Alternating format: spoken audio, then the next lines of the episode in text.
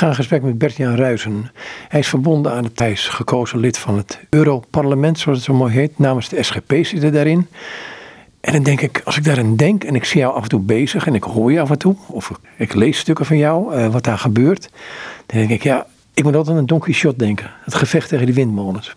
Gevecht tegen de windmolens, ja. Ja, het idee dat je, dat je daar iets aan doen bent, denk je, ja, zo'n klein clubje, je staat er voor een aantal ethische normen ook nog een keer. Die ethiek die hierin zit, uh, vanuit Christus gedacht. Ja. Terwijl die uitholling in de westerse maatschappij, ja, die, die gebeurt voor je ogen. En dan sta je daar als een ja, soort Don Quixote, dan laat ik het zo maar noemen. Nou, het, het, voelt inderdaad soms wel eens als uh, ploegen op protsen waar je mee bezig bent. En als je om je heen kijkt in het Europese parlement, stel je ook vast uh, dat de overgrote meerderheid in zo'n parlement uh, een hele liberale, progressieve agenda erop nahoudt. Wat ertoe leidt dat je als christen echt in een minderheidspositie zit. Het is gelukkig niet zo dat ik hier nou helemaal alleen in sta. Hè. Ik, ik uh, werk nauw samen met diverse collega's uit andere landen, gelijkgezinde parlementariërs, bijvoorbeeld uit Zuid-Europese landen of Oost-Europese landen, die zich ook zorgen maken over de ontwikkelingen in de Europese Unie en het, het afdwalen van de christelijke wortels. Dus ik merk wel dat het ontzettend belangrijk is, zeker omdat we als SGP natuurlijk een kleine partij zijn. Ik merk dat het ontzettend belangrijk is om, die om coalities aan te gaan en op zoek te gaan naar gelijkgezinde collega's om te kijken hoe kunnen we elkaar uh, versterken. Ben je dan een soort roepen in de woestijn of, of ben je ook bezig met project om dingen wezenlijk te kunnen veranderen? Of kan je überhaupt wel dingen veranderen? Je neemt natuurlijk deel aan de debatten. Je doet je zegje. Dus eh, dan zit je regelmatig in een minderheidspositie en voelt dat soms inderdaad als zijnde een roepende in de woestijn. Toch moeten we dat ook blijven doen. Hè? Ook al zitten we in de minderheidspositie, we hebben ook een belangrijke getuigende rol. En de hoop dat je anderen kunt overtuigen, kunt meenemen in je verhaal. Maar we doen ook meer dan alleen maar deelnemen aan debatten. Uh, we proberen ook uh, samen uh, bijvoorbeeld amendementen in te dienen, samen resoluties voor te bereiden. om op die manier ook te kijken hoe kunnen we onze invloed aanwenden. Als we, het, het lijkt alsof we die christen, christelijke wortels, die judee-christelijke wortels zijn vergeten. Dan ga je er toch weer uit putten. Je, je, je, je boort die oude bronnen weer aan, laat ik het zo maar zeggen. En dan, want wat progressief genoemd wordt, uh, onder andere het recht op, uh, op, op abortus, moet een mensenrecht worden tegenwoordig. Ja. Volgens een van de Fransen, dag Macron. Ja. Um, dan denk ik, ja, dan ben je dus eigenlijk in de ogen, en het woord wat vaak gebruikt wordt, dat merk ik in interviews ook, is het feit van ja, we gaan weer niet naar het ouderwetse gebeuren. Um, dat vind ik een beangstigende ontwikkeling. Dat vind ik zelf ook een beangstigende ontwikkeling, omdat bijbelse waarden en normen en opkomen daarvoor heel snel geassocieerd wordt met: oh, je bent conservatief. Je komt uit een, een, uit een oude, vergaande wereld en je wil, wil, je wil weer terug naar vroeger. Je bent conservatief. Terwijl nou juist uh, die bijbelse waarden en normen, als je er goed naar kijkt, die zijn zo ontzettend waardevol voor de samenleving. En niet alleen voor mensen privé, maar ook gewoon voor de samenleving. Neem nu inderdaad deze waarde, namelijk de waarde dat ieder leven beschermwaardig is. Hè? Ook in, in de moederschoot. Ik zou zeggen, daar hoef je toch niet eens christen voor te zijn om, om in te zien hoe belangrijk het is om zo'n waarde te koesteren. Uh, en, en om ook het ongeboren leven, wat zo teer en zo kwetsbaar is, wat aan onze zorgen toevertrouwd is, om dat, uh, om dat te beschermen.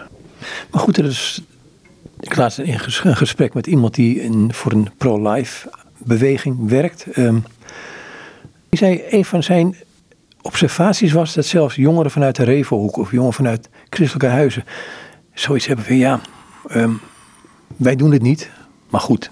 Een, een, zekere vorm van acceptatie bedoel je, wat je, wat je ook in eigen kring ziet. Ja, ja dat, is, dat is wel herkenbaar, dat is wel herkenbaar. Maar is ook gelukkig niet het hele plaatje. Hè? Mhm. Als je kijkt naar zo'n Mars voor het Leven? Een groot event uh, ieder jaar. Als je ziet hoeveel mensen daarop afkomen, ook jonge mensen. dan leeft gelukkig ook, uh, ook een christelijke kring, een reformatorische kring, en laten we het breder trekken, ook een evangelische kring, leeft dan nog steeds wel het, vind ik, eh, het gevoel van en de indruk van, ja, maar dit is zo wezenlijk. Als je aan het, aan het leven komt, als je het ongeboren leven komt, dan kom je aan zoiets wezenlijks. Dus hier moeten we ons tegen, tegen verzetten. Hè, als er een pleidooi komt voor, uh, voor abortus. En nou, als ik met jongeren spreek, dan heb ik soms ook wel eens de indruk dat jongeren daar juist nog zeg maar, overtuigender in zitten. Uh, en ook breder, hè? niet alleen in, in eigen christelijke kring, maar dat er ook breder ook wel onder jongeren een besef komt uh, van zijn we wel goed bezig met z'n allen. Misschien is de, is de jaren 60 en jaren 70 generatie, als het gaat over dit soort levensbeschouwelijke thema's, misschien nog wel liberaler als de, als de huidige generatie. Misschien zijn we soms wel eens een beetje te somber. Goed, de reden van dit gesprek is de uitgave van een themanummer, uh, door jullie uitgegeven.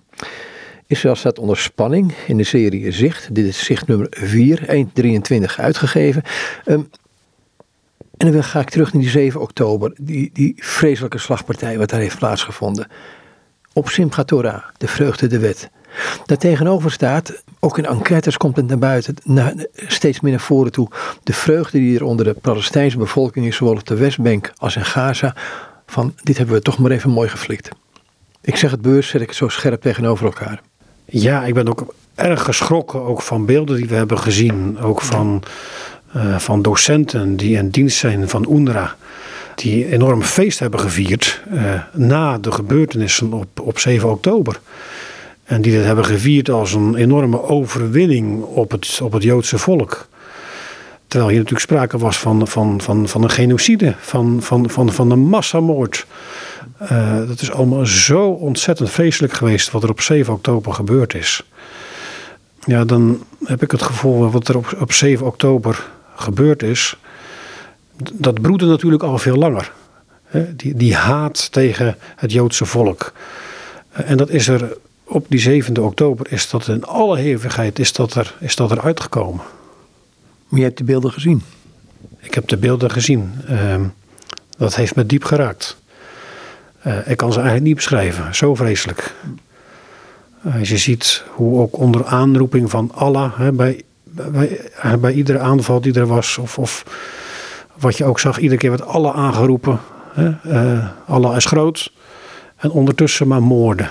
Eh, en uh, baby's vermoorden. En nogmaals, ik kan het eigenlijk niet beschrijven hoe vreselijk, hoe vreselijk het is wat er allemaal gebeurd is op 7 oktober. Zo beestachtig.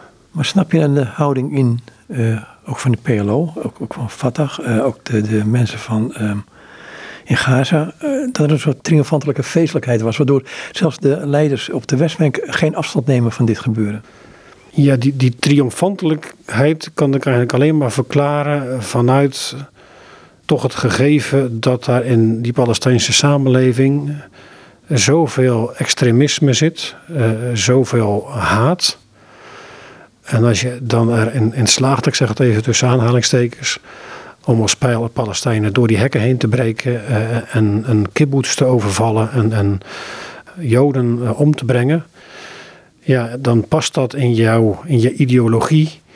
In je ideologie van dat je, wel, dat de Joden, dat je de Joden wil eh, overwinnen. Eh, en dat je de Joden de Middellandse Zee en wil jagen. Ja, dan, dan, dan begrijp ik dat je zo'n gebeurtenis op 7 oktober, als dat je ideologie is, dat je dat ziet als iets van een overwinning. Maar dat is natuurlijk vreselijk. Dit is een haat die gevoed is over de jaren, zelfs in het onderwijs.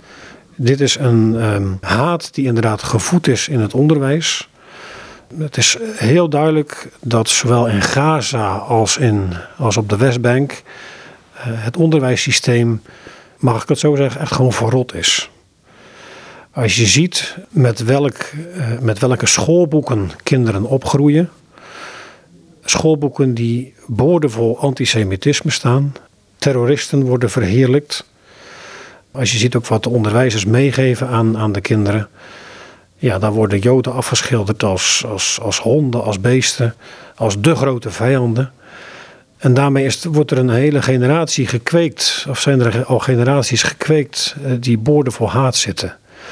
En de grote uitdaging is natuurlijk hoe kunnen we dat nou doorbreken? Want we willen toch zo heel graag, dolgraag met z'n allen vrede bewerkstelligen in de regio. Vrede voor Israël, vrede voor Jeruzalem, maar evengoed ook vrede voor de Palestijnen.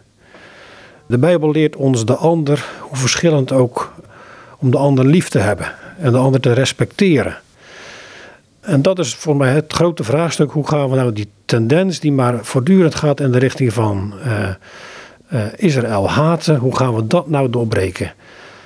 En daar ligt wat mij betreft ook een belangrijke taak en verantwoordelijkheid ook voor de Europese Unie. Omdat de EU uh, ook het schoolsysteem in de Palestijnse gebieden voor een belangrijk deel ook in stand houdt. een flink deel van, van de financiële middelen die nodig zijn voor het onderwijssysteem komen uit de Europese Unie. Dus daarom haal ik al langere tijd op van, beste mensen, ik ben niet tegen voor de Palestijnen. Het is goed om, om, om ze ook humanitair te ondersteunen, om ook het, het, hele systeem te ondersteunen, het, het, het, onder, het, overheidssysteem. Maar laten we daar wel glasheldere criteria uh, voor toepassen. Laten we in ieder geval het criterium hanteren dat uh, de schoolboeken moeten voldoen aan de UNESCO-criteria van respect hebben voor elkaar. En zolang dat niet het geval is, zeg ik, moeten we die geldstroom richting de Palestijnse autoriteit voor die schoolboeken moeten wij, uh, moeten wij opschorten. Als je dat voorstelt in een vergadering of in, in, een, in, in een toespraak, dan wordt er wat, ik zeg het heel voorzichtig, wat gegniffeld aan, linker, aan linkerzijde. Ja, niet alleen gegniffeld, uh, er wordt ook uh, stevig verzet tegen aangetekend. Ik heb op een gegeven moment via een mondeling amendement staande de vergadering geprobeerd om een tekst toe te voegen uh, aan een resolutie, inhoudend, hele algemene tekst, inhoudend mensen, schoolboeken, die we ondersteunen in de Palestijnse gebieden, moeten gewoon voldoen aan de normale criteria van uh, respect hebben voor elkaar. Hele algemene tekst.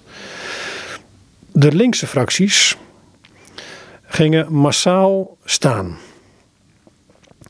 De regel is namelijk, als je een mondeling amendement indient en er gaan meer dan 30 leden gaan dan staan, dan mag zo'n amendement niet in stemming worden gebracht. Dus die linkse fracties die hebben gewoon staande de vergadering mij de mogelijkheid ontnomen om dit amendement überhaupt in stemming te laten brengen. Uh, zo groot is het verzet uh, tegen acties die wij ondernemen om uh, schoolboeken op te schonen. Zeg je daarmee indirect dat zij dus in wezen um, tevreden zijn met de manier waarop het onderwijs daar functioneert? Dat klopt en dat blijkt ook uit de debatten. iedere keer zeggen ze, of ontkennen ze dat er iets mis is. En verwijzen ze naar onderzoeken die ze in mijn beleving totaal verkeerd interpreteren of eenzijdig interpreteren. De linkse fracties uh, ontkennen dat er een serieus probleem is. En die zeggen dat het uh, ja, ook een stukje vrijheid van meningsuiting is. En dat je ook de Palestijnen de, de vrijheid moet geven om op, een, op, haar, op hun eigen manier tegen Israël aan te kijken.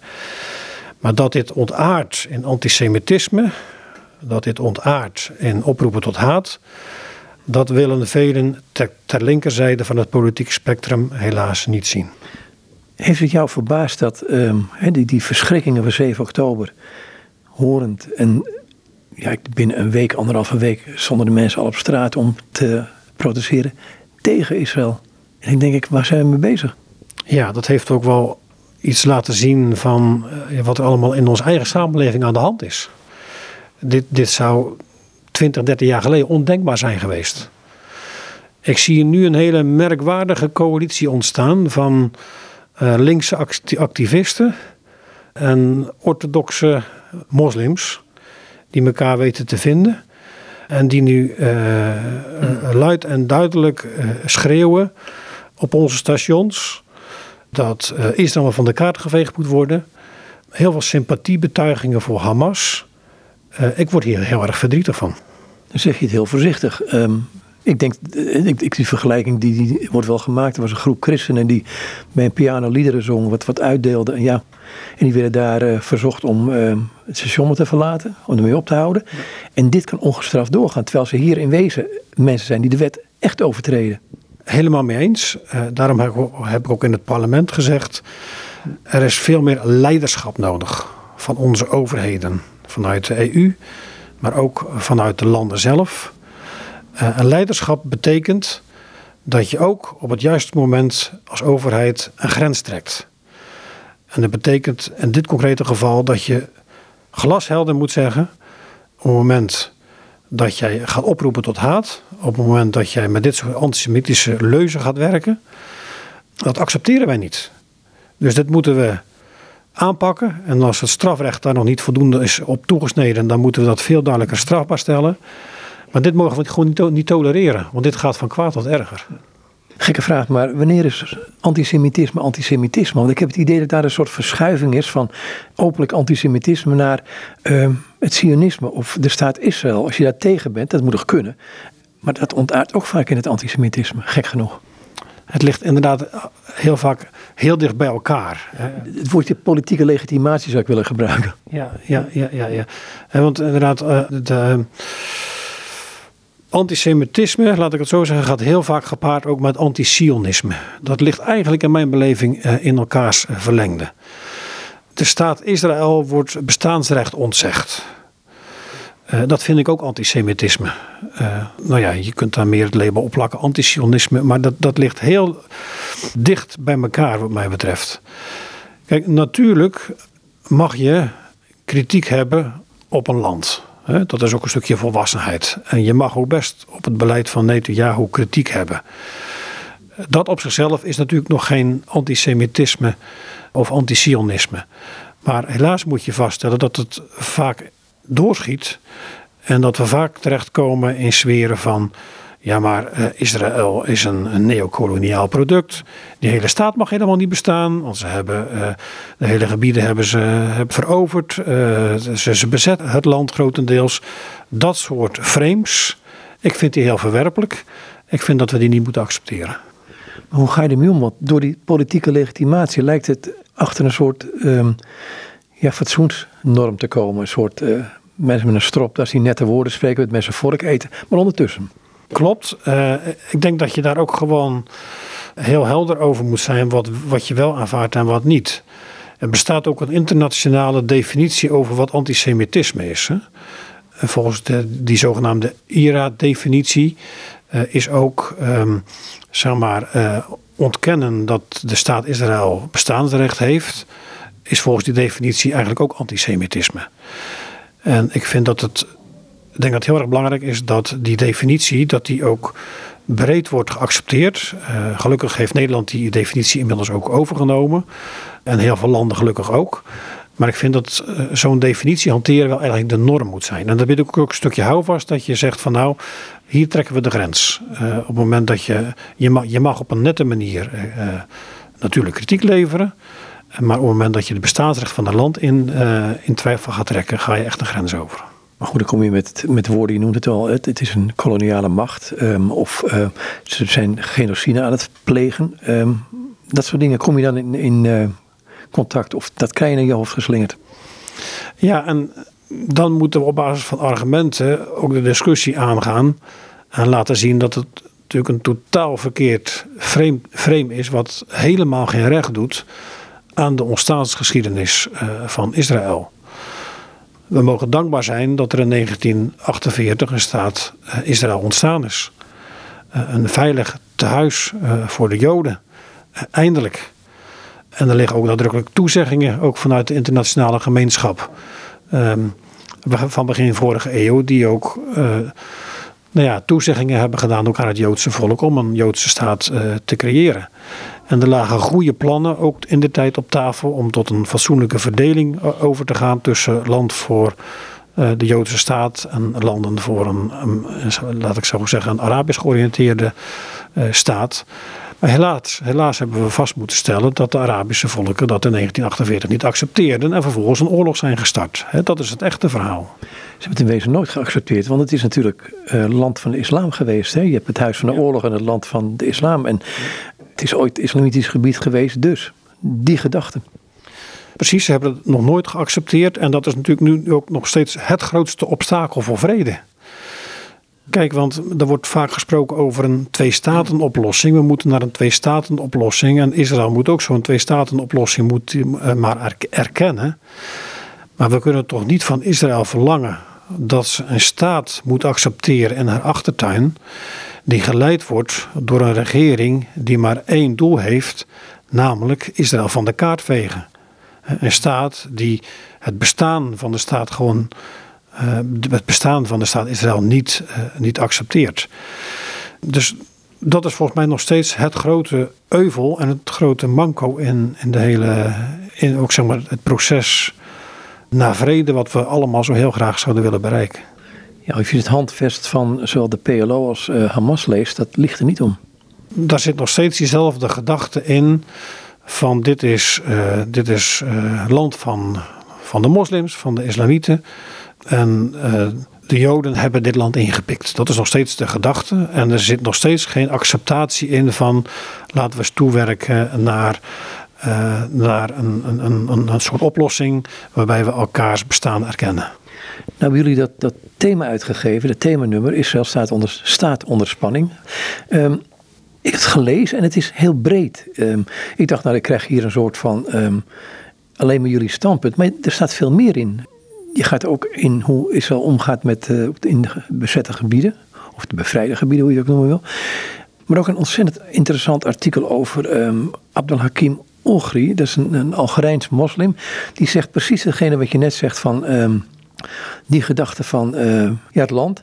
Hij durft de vragen te stellen vanuit de Koran als moslim van dat land, die landsgedachte, is het plausibel? Of moeten wij dat toch voor onszelf is op een andere manier gaan benaderen. Um, en dat geldt voor meer dingen die erin staan. Hij durft dus de, de waarom-vraag bij de Koran te stellen. En dat is een zeer tricky one, want hij wordt uh, behoorlijk um, het vuur in de schenen gelegd in die zin. Er behoorlijke discussies in Duitsland. Maar toch tegelijkertijd denk ik, ja, maar dit is wel de vraag die je ja. moet durven stellen. In een, open, in een open discussie heb ik het over. En ja. niet, niet van, oh, zij en wij, maar gewoon. Nee. Helemaal mee eens. En ik denk dat het denk ik, vooral binnen de, binnen, binnen de moslimgemeenschap belangrijk is dat dit soort wezenlijke vragen gesteld worden.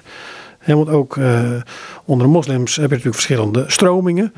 Uh, helaas moet je vaststellen dat, dat er sprake is van enorme radicalisering. Nou, dat, waarbij natuurlijk uh, Hamas natuurlijk bij uitstek een, een club is waarvan je zegt van hier is sprake van gigantische radicalisering en extremisme. En de meest extremistische variant van, van, het, van het moslimgeloof is natuurlijk totaal geen plek voor de Joden. Hè? En, en, dan worden ze gezien als, als honden en beesten. Maar er zijn natuurlijk ook uh, stromingen binnen de islam. Uh, er zijn ook mensen die, die laat ik zo zeggen, een veel vredelieverendere houding aannemen. En het is denk ik van heel groot belang dat zeker ook in moslimkring het debat hierover aangegaan wordt. Over ook hun staan als moslims in de, in de samenleving. Je moet al vaststellen dat de hele ideologie van, van de islam natuurlijk toch in essentie best een, een ideologie is die erg beheerst is vanuit het concept van overheersing. Uh, dat zie je nu natuurlijk in de strijd tegen Israël. Israël moet daar weg, hè, vindt men. Uh, daarmee ligt Israël aan het front hè, tussen de Arabische wereld en de Westerse wereld. Maar die gedachte van ja, wij moeten de wereld gaan, gaan overheersen kom je natuurlijk ook breder tegen. Kom je ook tegen bij uh, moslim-extremisten uh, hier in Europa. Hij heeft een boek geschreven, Ulgri, ook over um, de Joden in de Koran. En dat is een. Ik zou mensen willen adviseren om te lezen. Het is in Duits weliswaar. Daar durft hij gewoon met een open vizier te gaan kijken wat staat er eigenlijk. En kan ik het hier wel mee eens zijn? Vooral als het om, om geweldspassages gaat heel terecht dat hij, uh, dat, hij, dat hij daar kritisch naar kijkt. Omdat natuurlijk de Koran natuurlijk bepaalde geweldspassages uh, kent. Waar je van zegt van uh, dit kan toch niet. En als we dit, dit letterlijk gaan nemen, als we dit toegepast op onze tijd. en we gaan daar invulling aan geven. Ja, dan kom je inderdaad in de sfeer van jihad terecht. En, en de ander maar vermoorden en de heilige oorlog. En daar moeten we echt een discussie met de moslims over aangaan. Maar dan is het belangrijk om gewoon het gesprek te hebben in plaats van erover te praten, wat we nu doen eigenlijk. Gewoon in gesprek gaan met. Oh, zeker. En, en dat doen, we misschien nog wel te weinig, inderdaad. Hè? Kijk, hoe je het went of keert, ook um, de moslimgemeenschap maakt natuurlijk deel uit ook van onze eigen samenleving. Hè? Ze wonen bij ons in, de, in, het eigen in het dorp, in de eigen, uh, in, de eigen stad. Dus de, we leven dicht bij elkaar. Uh, en Ik denk dat er ook een taak en verantwoordelijkheid ligt voor ons als christenen om ook het heel open het gesprek met moslims aan te gaan. Uh, en om ook het gesprek aan te gaan over het christelijk geloof. Uh, en dat niet met een belerend vingertje, dat we alles beter weten. Maar wel om te laten zien, ook, ja, om ook iets van de blijde boodschap door te laten schemeren. Van het, het geloof in, in Jezus. Dat, dat God ook een zoon heeft. Dat kent men natuurlijk niet in, vanuit de Koran en in, in uh, islamitisch uh, geloof. Uh, maar het is natuurlijk een zo rijk gegeven. Ik denk dat het heel erg belangrijk is dat we over dat betreft missionair daarover het gesprek aangaan. Ja, ik moet denken aan, aan um, wat ooit iemand uit Algerije me zei. Van ja, um, zij dacht, de drie eenheid, dat was vader, zoon en Maria. Heel gek gezet. Even als een zijstraatje. Um, maar je zegt in wezen ook, zeg je van, hé, hey, het grote verschil, als ik dat mag zijn, wat er is, um, Jezus Christus als zoon van God. Maar het betekent ook dat wij een relatie aan kunnen, zijn, aan kunnen gaan met diezelfde God.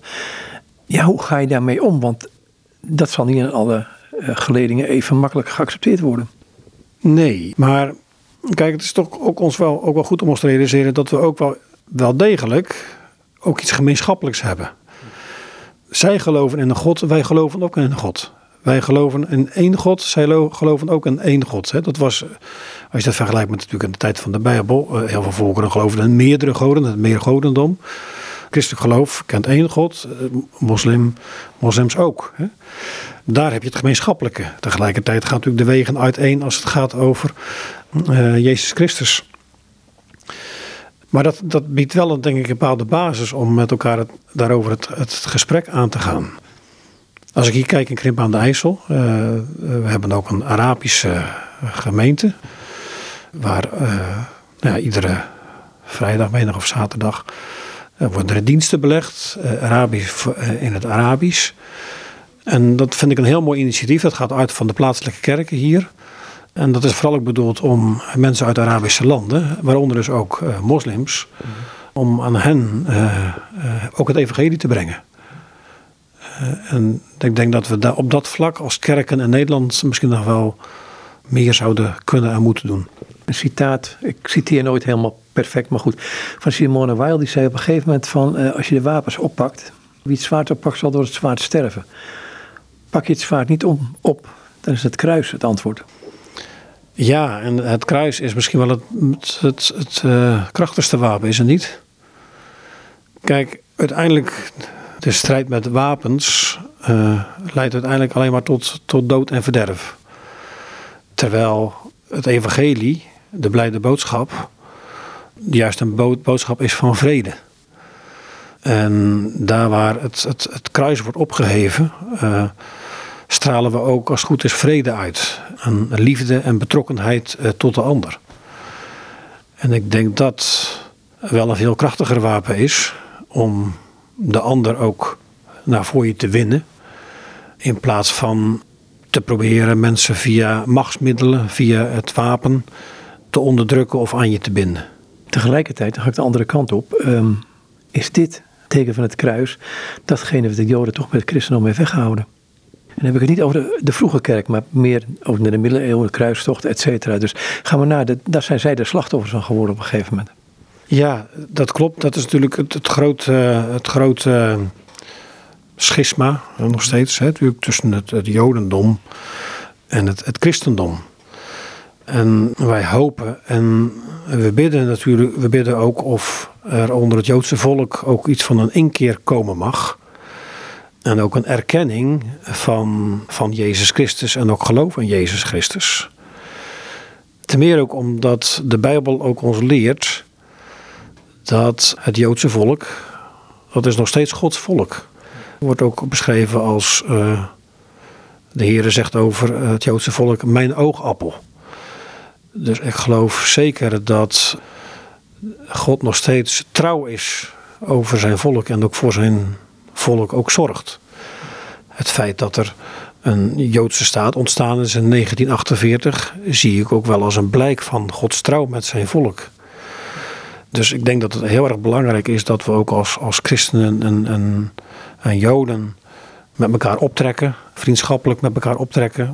We zijn, ik zie het Joodse volk ook als een, ja, als, als een volk waar we ons nauw mee verwant voelen. En ik vind dat we ook onze vriendschap voor hen en onze verbondenheid met hen, zeker ook in deze moeilijke omstandigheden, tot uitdrukking moeten brengen.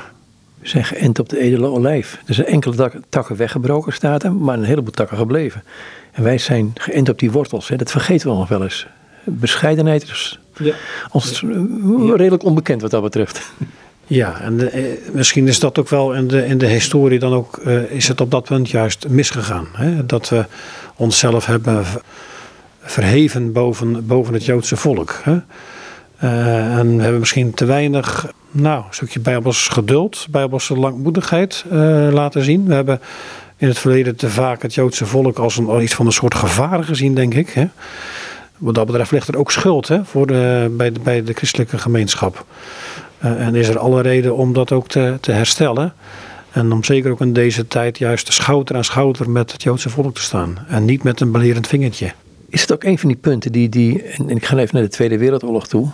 Daar wordt ook nog gezegd, de Nederlanders hebben toch niet allemaal, maar grosso modo toch het merendeel hebben weggekeken van wat er gebeurde. Is die neiging die nu ook, en dat proef ik ook een beetje uit het, uit het zicht 4, wat hier voor ons ligt, dat een van de, de schrijvers in het boekje zegt van ja, er zijn veel meer Nederlanders die zich achter Israël scharen, alleen we merken het zo weinig. Uh, er zijn demonstraties geweest tegen het antisemitisme, noem het maar op waar. In Nederland kwam het heel, heel laat pas op gang. Kijken wij weg? Uh, dat wegkijkgedrag kom je wel tegen. Dat kom je wel tegen. Ik merk het ook wel in mijn omgeving dat ik wel als mensen tegenkom die zeggen van ja, maar dit, dit conflict is zo complex. Ik denk dat ik maar een neutrale positie hier inneem. Dit is niet mijn oorlog. Zo'n soort houding kom je, kom je tegen. Maar dan probeer ik toch die mensen uit te dagen van kijk nou eens wat er hier werkelijk aan de hand is. Welke strijd hier werkelijk aan de hand is. Ook wel een geestelijke strijd in mijn beleving. op wat voor manier? Nou, de geestelijke strijd is het zelfs niet de strijd tussen goed en kwaad. Um, als ik zie wat er gebeurd is op 7 oktober, dat is toch het, het kwaad, het ultieme kwaad wat we gezien hebben. Als je mensen zo in koele bloeden vermoordt, als een mensenleven gewoon niet meer telt, dan mogen we een, een land dat zegt van ja, maar wij worden aangevallen door een terroristische organisatie. Dan mogen we zo'n land toch niet het recht op zelfverdediging ontzeggen. Ook vanuit een stukje bijbelse gerechtigheid uh, moeten we het dan toch voor zo'n land uh, opnemen. Ook vanuit het nou, perspectief van, van gerechtigheid, denk ik. Wat natuurlijk niet wegneemt dat natuurlijk ook Israël een verantwoordelijkheid heeft. en dat het ook zaak is dat Israël er alles aan doet wat in haar vermogen ligt om burgerslachtoffers zoveel mogelijk te voorkomen. Wat natuurlijk ontzettend moeilijk is. Want aan de ene kant is er een dringende noodzaak om Hamas er nu eindelijk onder te krijgen. Om Hamas moet echt um, worden verslagen in mijn beleving. Anders is er geen toekomst. Uh, anders zie ik geen mogelijkheden voor een vredesproces. Maar ondertussen zie je dat Hamas zich natuurlijk enorm heeft uh, genesteld uh, midden in de stedelijke samenleving. Met, met al die tunnels en, en, ziekenhuizen en andere gebouwen die ze gebruiken voor hun militaire doeleinden.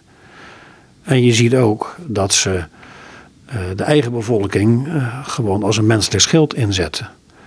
Dus het is natuurlijk voor Israël, voor het Israëlische leger, ontzettend lastig om aan de ene kant uh, Hamas proberen te verslaan en aan de andere kant te proberen om uh, burgerslachtoffers te voorkomen. En waar we het niet over hebben, zijn die meer dan 130 mensen die nog gegijzeld worden, waaronder baby's. Uh, wat wil je daarmee? Nou, inderdaad, vreselijk. Ik heb de afgelopen maanden ook regelmatig contact gehad gesprekken gevoerd met familieleden van, uh, van gijzelaars. Gegijzelden hoop ik. Gegijzelden, maar dat noemen natuurlijk ook wel gijzelaars. Hè? Dat, ja, dat is een verkeerd taalgebruik, heb ik ja, ooit horen zeggen. Maar, ja. dus ik, maar, maar, maar, goed. We hebben, het over, we hebben het over de mensen die worden vastgehouden. Hè? Onder uh, zeer erbarmelijke omstandigheden. er is ook veel te weinig aandacht voor, vind ik ook in de media. En dat is ook in de debatten iedere keer een oproep die ik doe het loskrijgen van de, de gegijzelden moet prioriteit nummer één krijgen. Eh, en we moeten ook Hamas, bij, bij Hamas op aandringen, ook via onze contacten met Qatar bijvoorbeeld, van laat deze gegijzelden vrij. Want dit is natuurlijk zo onmenselijk wat hier gebeurt. Kijk, we hebben natuurlijk gelukkig even een fase gehad. Hè, dat we een fase hadden van, van een korte gevechtspauze. En in dat stadium is het gelukkig even mogelijk geweest om gegijzelden uh, vrij te krijgen. Maar inderdaad, nog steeds zitten er ruim 100 mensen vast. En er is helaas nog helemaal geen perspectief op, op vrijlating. Nee, wat kun je dan doen? Hè? Want, het Europees Parlement lijkt daarin een beetje vleugellam. Eh, ook niet echt heel actief te zijn. We staan natuurlijk relatief op afstand, daar moet je eerlijk in zijn. We kunnen wel wat doen en dat doen wij ook. Uh, bijvoorbeeld onze diplomatieke contacten uh, aanboren richting Qatar. Zo heb ik samen met een uh, groep collega's hebben we een brief gestuurd aan de autoriteiten van Qatar met de oproep om ja, tot een deal te komen. En ook in de, de resoluties die we hebben vastgesteld over het conflict hebben we A nadrukkelijk uh, Hamas veroordeeld. Hebben we uh, Israël. Uh, hebben van Israël gezegd, Israël heeft het recht op zelfverdediging. En hebben we nadrukkelijk ook aandacht gevraagd voor de moeilijke positie van de gegijzelden en opgeroepen om tot zo snel mogelijk aan, tot vrijlating over te gaan. Dit boekje, um, wat wil je ermee bereiken? Want het is een vrij evenwichtig ja, boekje, themanummer van, van Zicht 4. Wat wil je ermee bereiken? Wij willen vooral uh, ook een stuk correctie aanbrengen op het eh, debat rondom Israël. Er zit zoveel eenzijdigheid in het debat. Als je kijkt naar de, de posities die de VN inneemt. En je ziet dan dat een heel veel resoluties van, van de VN Israël zeer eenzijdig wordt bekritiseerd. We hebben nu bijvoorbeeld over de positie van, van, van gegijzelden. Nou, daar is ook veel te weinig aandacht voor. Er is veel te weinig aandacht voor het feit dat Israël inderdaad onder spanning staat. Hè? Dat Israël inderdaad bedreigd wordt. Niet alleen door Hamas, niet alleen vanuit de Gaza. Israël wordt ook bedreigd door Hezbollah. Israël wordt ook bedreigd door Iran. Iran die echt uh, ook achter de schermen een, hele uh, actieve rol vervult. Ook in ondersteuning van, van Hamas en, en Hezbollah. Als je daar ziet, eh, de smalle strook land, hè, van wat Israël is op het smalste stukje is het maar 30 kilometer, meen ik. Misschien nog wat smaller. Dan moet je gewoon vaststellen dat Israël een zeer bedreigde uh, natie is. En er is internationaal, uh, ook in het debat hier in Nederland, gewoon veel te weinig aandacht voor. En met dit boekje proberen we daar een correctie op aan te brengen. En het eerlijke verhaal te vertellen over de positie van Israël. Dat Israël een democratie is, een volwassen democratie is. Een van de weinigen in het Midden-Oosten. En dat Israël bestaansrecht heeft en met het boekje willen we ook onze verbondenheid die we voelen met het Joodse volk nadrukkelijk tot uitdrukking brengen. Als je bidt voor Israël, bid je nou voor Israël of zeg je, is het een gebed van wij? Um, ja, dat is wel beide denk ik. Beide denk ik. Je, je, kijk hoe je het went of keert, wij moeten het en wij mogen het eh, beiden hè, van dezelfde God verwachten. Hè? Van uh, Yahweh, van de Heer Jezus die naar deze wereld gekomen is. Daar moeten wij het van hebben als christenen. Van zijn verzoenend lijden en sterven. Uh, en daar moeten ook alle heidenen, maar daar moeten ook de Joden het uiteindelijk, dat Joodse volk het van hebben.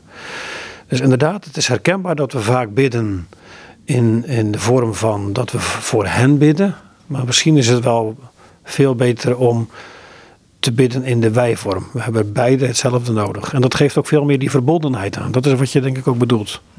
Een andere dingen waar je mee bezighoudt binnen de, het Europees Parlement. Um, visserij, landbouw, maar daar ga ik het niet over hebben.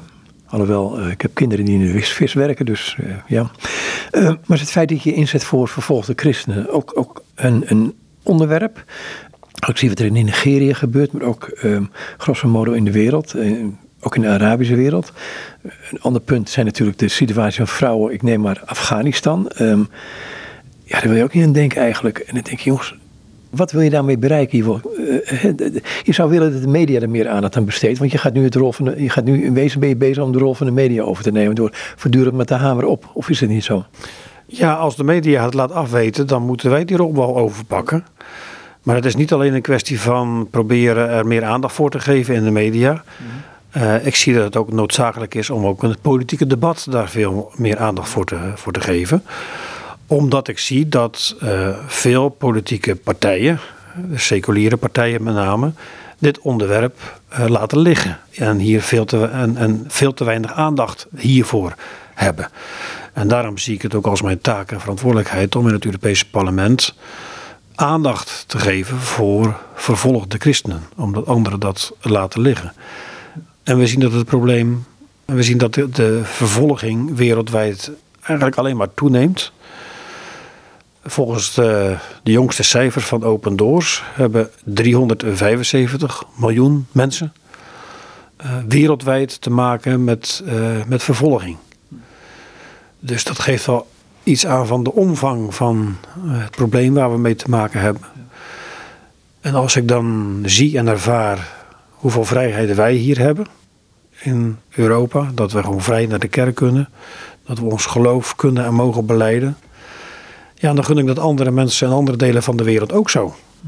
En als ik dan zie dat ze die vrijheid niet hebben, ja, dan vind ik toch dat we onze positie in het Europees Parlement ook moeten gebruiken om de verantwoordelijken, dus de overheden die die vrijheid niet gunnen, om hen op hun verantwoordelijkheid te wijzen. En om de rechten van religieuze minderheden, waaronder christenen, om die te respecteren.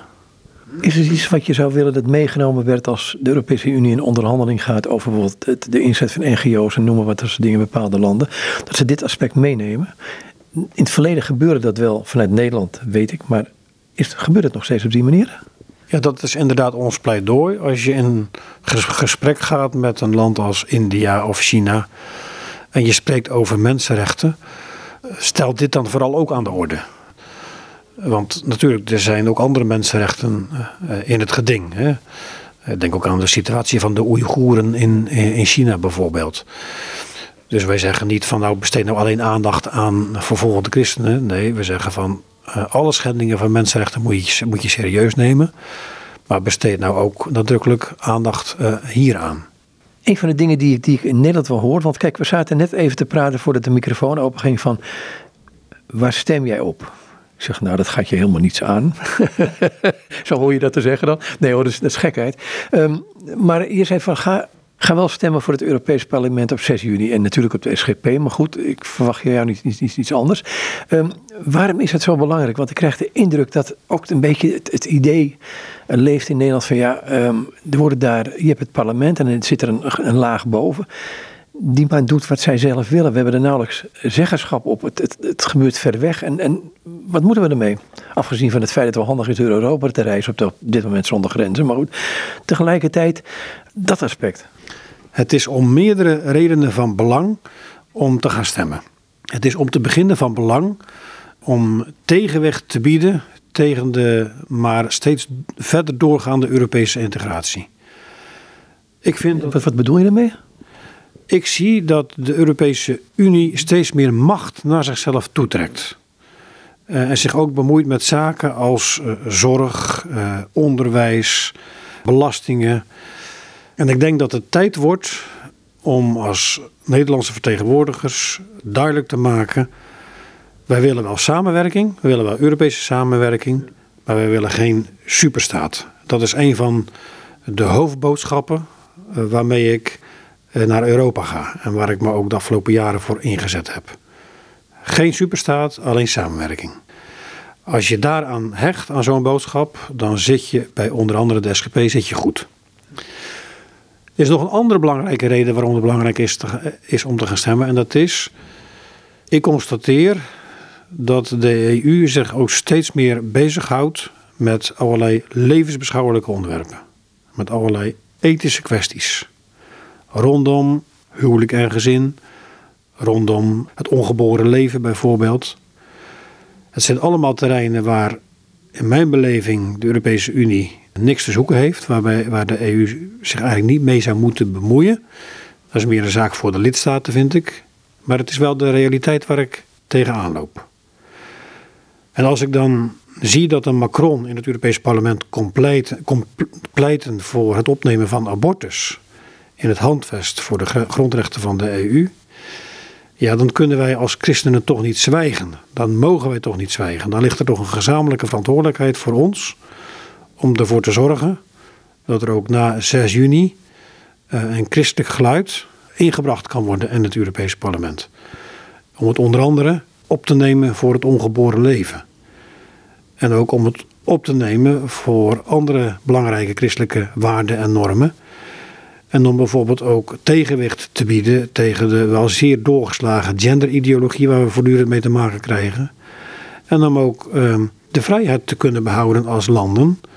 Uh, om ook ehm, eh, het huwelijk te, te kunnen blijven zien uh, als een verbindenis tussen een man en een vrouw. En je ziet dat de EU op al die terreinen probeert meer en meer een soort progressieve, seculiere agenda aan ons op te leggen. En als je daar iets tegen wil doen, dan is natuurlijk het gebed een krachtig wapen.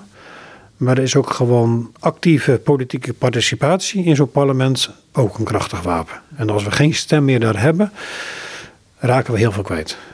Maar goed, de EU lijkt in pas te lopen met de Verenigde Naties en ook met de WHO natuurlijk op dit moment op een aantal gebieden. Uh, dat is ook zo, hè, want als het gaat over de VN en, en WHO, uh, komen natuurlijk ook allerlei uh, ideologieën en, en, en, gedachten en wensen onze kant op. Het is natuurlijk wel zo dat uiteindelijk de EU zaken vertaalt in concrete wetgeving. Als je het hebt over wanneer is nou iets bindends, wanneer krijgen we er nou last van in onze eigen wetgeving, ja, dan speelt vooral de EU daar natuurlijk een belangrijke rol in. Maar het idee dat de EU dan beslissingen kan nemen. Ik, ik denk nu de digitale identiteit onder andere. Maar ik denk, ja, ik hoor er in het Nederlands parlement. Of ik volg het niet goed, kan ook. Nauwelijks iets over. Ja, die digitale identiteit is absurd hoe dat gegaan is. Hè? Want uh, de SGP onder andere heeft daar ook uh, werk van gemaakt in de Tweede Kamer. En er is ook een motie aangenomen in de Tweede Kamer met een oproep aan het kabinet om geen akkoord te geven op die digitale identiteit. Het kabinet is daar toch uiteindelijk mee akkoord gegaan met die digitale identiteit. En dat heeft uiteindelijk de Kamer dan toch ook weer maar gepasseerd. Ja, maar wat heeft een Tweede Kamer dan van nut, denk ik dan, als simpele ziel? Nou ja, een Tweede Kamer kan natuurlijk een kabinet uh, uh, tot de orde roepen. Maar dan moeten ze dat uh, wel doen. Vaak zie je helaas dat toch coalitiepartijen elkaar dan vasthouden. En, en, en, en nou ja, uiteindelijk een kabinet in bescherming blijven nemen. Dat is in dit geval ook gebeurd. Kijk, de Tweede Kamer heeft natuurlijk echt wel een belangrijke rol in het controleren van het kabinet. En ook in het controleren van het kabinet wat betreft onze Nederlandse inzet in Brussel. En daar zou de Tweede Kamer denk ik best wel meer werk van kunnen maken. Maar nog even terugkomen op die digitale identiteit. Ik vind het een hele kwalijke ontwikkeling. Uh, het is ook een opstapje naar een soort Europees burgerschap. Men wil ons steeds meer gaan zien als EU-burger met een EU-identiteit. Terwijl het volgens mij veel verstandiger is om de burgers van de lidstaten te blijven zien als primair burger van het eigen land. Ik zeg dat niet vanuit overdreven nationalistische motieven, maar wel omdat ik vaststel dat Europa divers is, verschillende culturen, uh, verschillende talen, ik denk dat het gewoon meerwaarde heeft om die diversiteit te koesteren. En om niet een soort Europese laag daarbovenop te leggen en ons in een soort Europees keurslijf te willen dringen. Eh, een ander groot risico rondom die digitale identiteit zie ik in het feit dat ja, er toch wel heel, heel veel vraagtekens te zetten zijn bij zeg maar, de privacy. Wat gebeurt er met al onze gegevens? Uh, wie gaat er allemaal mee aan de haal? Wat gebeurt er allemaal mee? Dus dat heeft er mij toegebracht om te zeggen van nou wij gaan absoluut niet instemmen met deze digitale identiteit. Als ik aan, een land als China denk, waar op basis van die, digitale identiteit al kan bepaald worden wie wel en niet mag reizen, uh, dan denk ik ja, um, als ik naar COVID even terug ga, toen zijn hier dacht ik in Nederland 2,5 tot 3 miljoen mensen gewoon geschoffeerd op basis van het feit dat ze niet gevaccineerd willen worden. Ik noem maar een dwarsstaat. En een bepaalde code niet op hun telefoon er staan. Zeker, wij hebben ons ook van meet af aan verzet, tegen die QR-code, omdat het ook leidt tot een tweespalt in de samenleving. En omdat je inderdaad uh, mensen die heel bewust kozen voor nou, niet-vaccinatie, en die daar ook uh, nou, vanuit gewetensovertuigingen niet voor kozen of vanuit andere overwegingen, die werden toch op achterstand gezet. Die werden toch gediscrimineerd.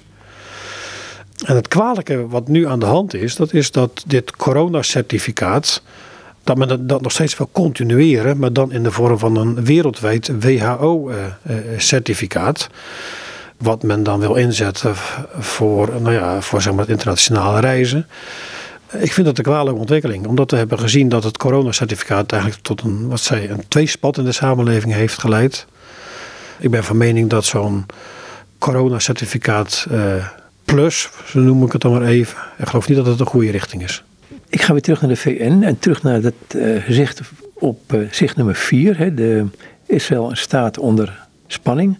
Onder andere is er een stuk over, hey, je hebt het over die, die, de macht van de VN, de macht van de WHO, de macht van de Europese Unie. De manier waarop mensen um, beheerst kunnen worden, daar komt het wezen op neer. Ga ik terug naar Israël staat onder spanning. Dat thema nummer van jullie, zegt 4 is dat, uit uh, eind 23. Um, ga ik naar Israël toe. Daar wordt voor Israël een uitzonderingspositie gemaakt, al door de Verenigde Naties, al door al die resoluties die aangenomen wordt, waar ik toe ook de kriebels van krijg. En ik denk van jongens, um, er is geen land wat zo onder aandacht staat als Israël. En ik kreeg laatst een, een, een, een heel interessant dingetje van een um, vriend, wat daarin stond van um, in het Engels, in case of emergency, blame Israel. Dus in, in geval van nood, geef Israël maar de schuld. Ik, ik chasseer nu lekker, maar het is altijd wel leuk als je vragen kunt stellen. Ik hoef de antwoorden niet te geven. Kijk, in de hele discussie over Israël wordt voortdurend het zogenaamde internationale recht erbij gehaald. Mm. Uh, en als ik dan bijvoorbeeld zeg, de Westbank, dat, uh, dat is geen bezet gebied, maar dat is betwist gebied. Dat be, ik ben namelijk van mening dat het een betwist gebied is, omdat ook Israël, wat mij betreft, terecht claims op kan leggen. Dan krijg ik voortdurend te horen: ja, maar wat jij nu zegt, dat is in strijd met het internationaal recht. En dan worden er allerlei resoluties aangehaald van de VN. Onder andere de resolutie 2334, die vastgesteld is in 2016. Die onder andere aangeeft dat er een, een twee-staten-oplossing zou moeten komen. Daar wordt daarmee gescherpt. Maar daarmee wordt onrecht gedaan aan zeg maar, de hele internationale voorgeschiedenis en de, en, de, en, de, eerdere toezeggingen die zijn gedaan.